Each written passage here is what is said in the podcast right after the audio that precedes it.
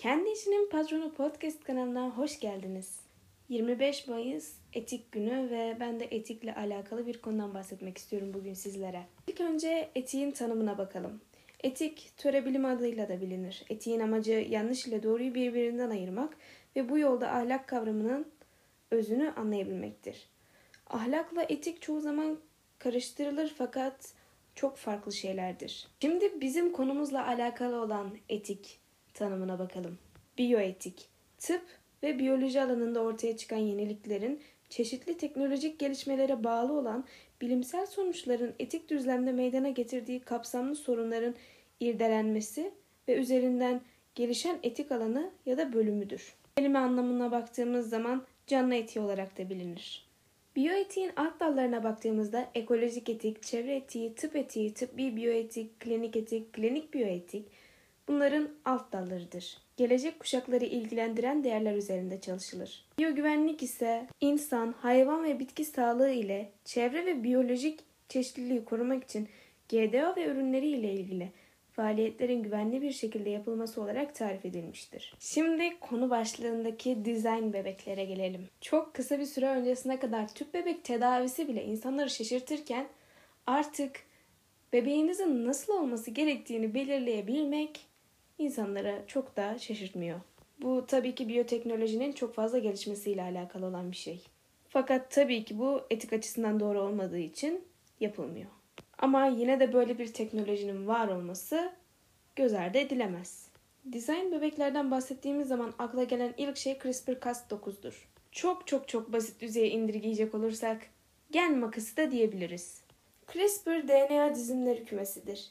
Düzenli aralıklarla bölünmüş polindromik tekrar kümeleri, kısa tekrarı baz dizileri içeren prokaryot DNA segmentleridir. Her tekrarı daha önce maruz kalınan bakteriyofaj veya plazmit kaynaklı kısa aralayıcı DNA segmentleri takip etmektedir. Cas9 bazı bakterilerin DNA virüslerine ve plazmitlere karşı immünolojik savunmasında hayati bir rol oynayan ve genetik mühendisliği uygulamalarında yoğun bir şekilde kullanılan 160 kilo Dalton bir protein. Ana işlevi DNA'yı kesmek ve böylece bir hücrenin genomunu değiştirmek. CRISPR-Cas9 genom düzenleme tekniği 2020 Nobel Kimya Ödülü'nün Emmanuel Charpenter ve Jennifer Doudna'ya verilmesine önemli bir katkıda bulundu. CRISPR kümelerinde bulunan aralık genlerinin o canlıyı enfekte eden bazı virüsler ile aynı dizilime sahip olduğunu keşfetmişlerdir. Bir virüs DNA'sı ile aynı dizilime sahip aralık genine sahip olmak o virüse karşı bir direnç oluşturuyor. Yapılan araştırmalar sonucu CRISPR sisteminin nükleik asit temelli bir bağışıklık mekanizması olabileceği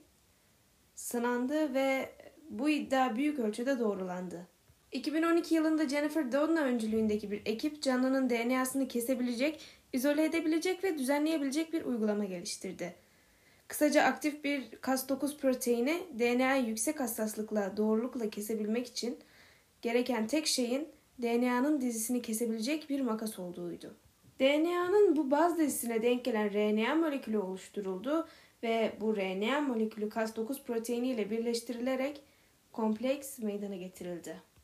Gen makası demiştik. CRISPR-Cas9 teknolojisi istenilen DNA bölgesinde kesim yapabilmeyi sağlıyor. Cas9 adlı bir enzim genomun belirli yerlerinden iki DNA iplikçiğini kesebilen moleküler bir makas görevini görüyor. Böylece DNA parçaları eklenilebilir veya çıkarılabilir oluyor. Demin bu baz dizisine denk gelen RNA molekülü oluşturulduğunu demiştik. Bu rehber DNA denilen RNA parçası daha uzun bir RNA iskeletinin içindeki önceden tasarlanmış küçük bir RNA diziliminden oluşuyor. Uzun RNA iskeleti DNA'ya bağlanır ve önceden tasarlanmış dizilim Cas9'un genomun doğru noktasına gitmesine rehberlik eder. Böylece Cas9 enzimi doğru yerleri keser. CRISPR ile hangi hastalıkların tedavisi mümkün olacak diye soracak olursanız, genetik bileşeni kanser, hepatit B ve hatta yüksek kolesterol gibi çok sayıda tıbbi rahatsızlığın tedavisinde CRISPR-Cas9 teknolojisini kullanmak mümkün olacak. Bu kadar bu teknolojiden bahsettik fakat bu riskli bir teknoloji mi? CRISPR-Cas9 teknolojisi DNA üzerinde çalışma gerçekleştiren bir teknoloji ve çeşitli zorluklarda da karşılaşılıyor.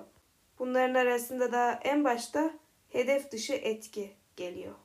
Bu sistem ne kadar spesifik olursa olsun uzmanın hedeflediği tasarıma göre çalışılır ancak pratikte bu her zaman mümkün olmaz. Sistem çalışmaya başlayınca genomun başka bir yerinde hedef dışı modifikasyonlar olarak bilinen mutasyonlar yaratılabilir. Bu dikkat çekici hedef dışı etkilerinin rastgele olmasıdır ve diğer genleri ya da genomun diğer bölgelerini etkileyebilmesidir. Gensel hücreler üzerinde CRISPR-Cas9 veya benzer gen düzenleme teknolojilerinin kullanımında ise herhangi bir etik mesele yok. Bugüne kadar az sayıda da olsa ölümcül durumlarda tedavi için CRISPR-Cas9 teknolojisinden yararlanıldı. Ancak üreme hücrelerinin de düzenlenmesinde CRISPR-Cas9 veya benzer gen düzenleme teknolojilerinin kullanılabilecek olması pek çok etik tartışmaya yol açtı. Üreme hücrelerinde bu teknolojiyi uygulamak nesilden nesile aktarılacağı için olayın ciddi bir etik boyutu oluştu. CRISPR teknolojisi kısa sürede çok fazla dikkat çekti. Demin de bahsetmiştik. 2020 Kimya Nobel ödülünü aldı. Fakat hala kesin sonuçlarından söz etmek mümkün değil. Bu teknikle deneyler yapılıyor olsa da sistemin insanlarda da test edilmesi, yöntemin sonuçlarının öngörülemez olması, maymunlarda %20 ila %30 başarı oranına sahip olması gibi nedenlerden dolayı hala hayata geçmemiş bulunmakta.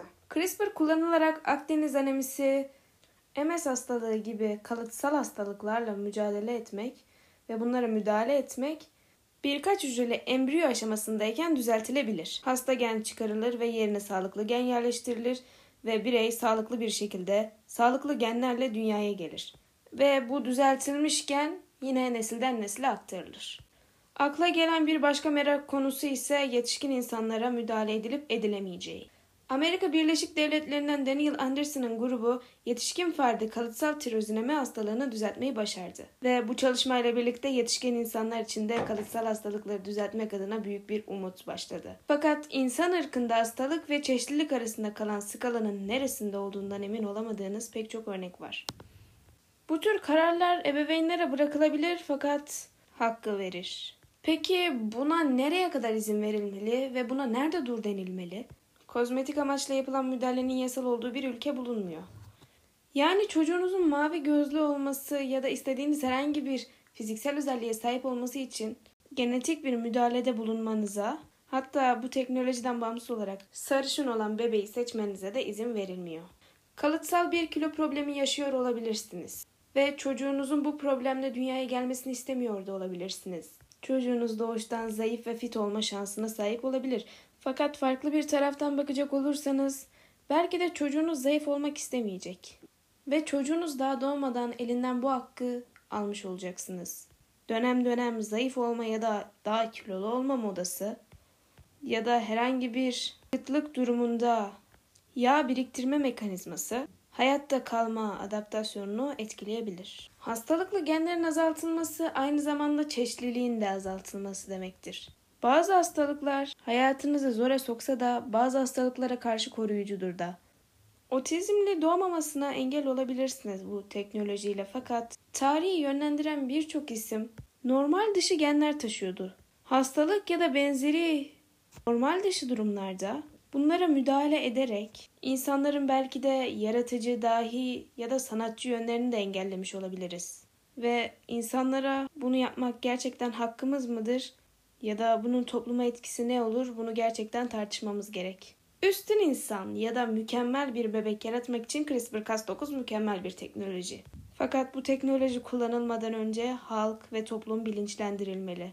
Yoksa aksi takdirde beyaz tenli bebekler sıcak iklimlerde cilt kanseri olmaya daha yatkın olacak. Belki de normalinden daha kaslı bir erkek çocuğu, bağışıklık sistemi daha zayıf halde dünyaya gelecek ve biz insanoğlu elimizdeki bütün teknolojilere rağmen canlıyı hala çözememiş durumdayız. Çünkü canlı çok kompleks bir yapıdır ve müdahale ederek etiği de göz önünde bulundurarak çok dikkatli ve ince çalışılmalıdır.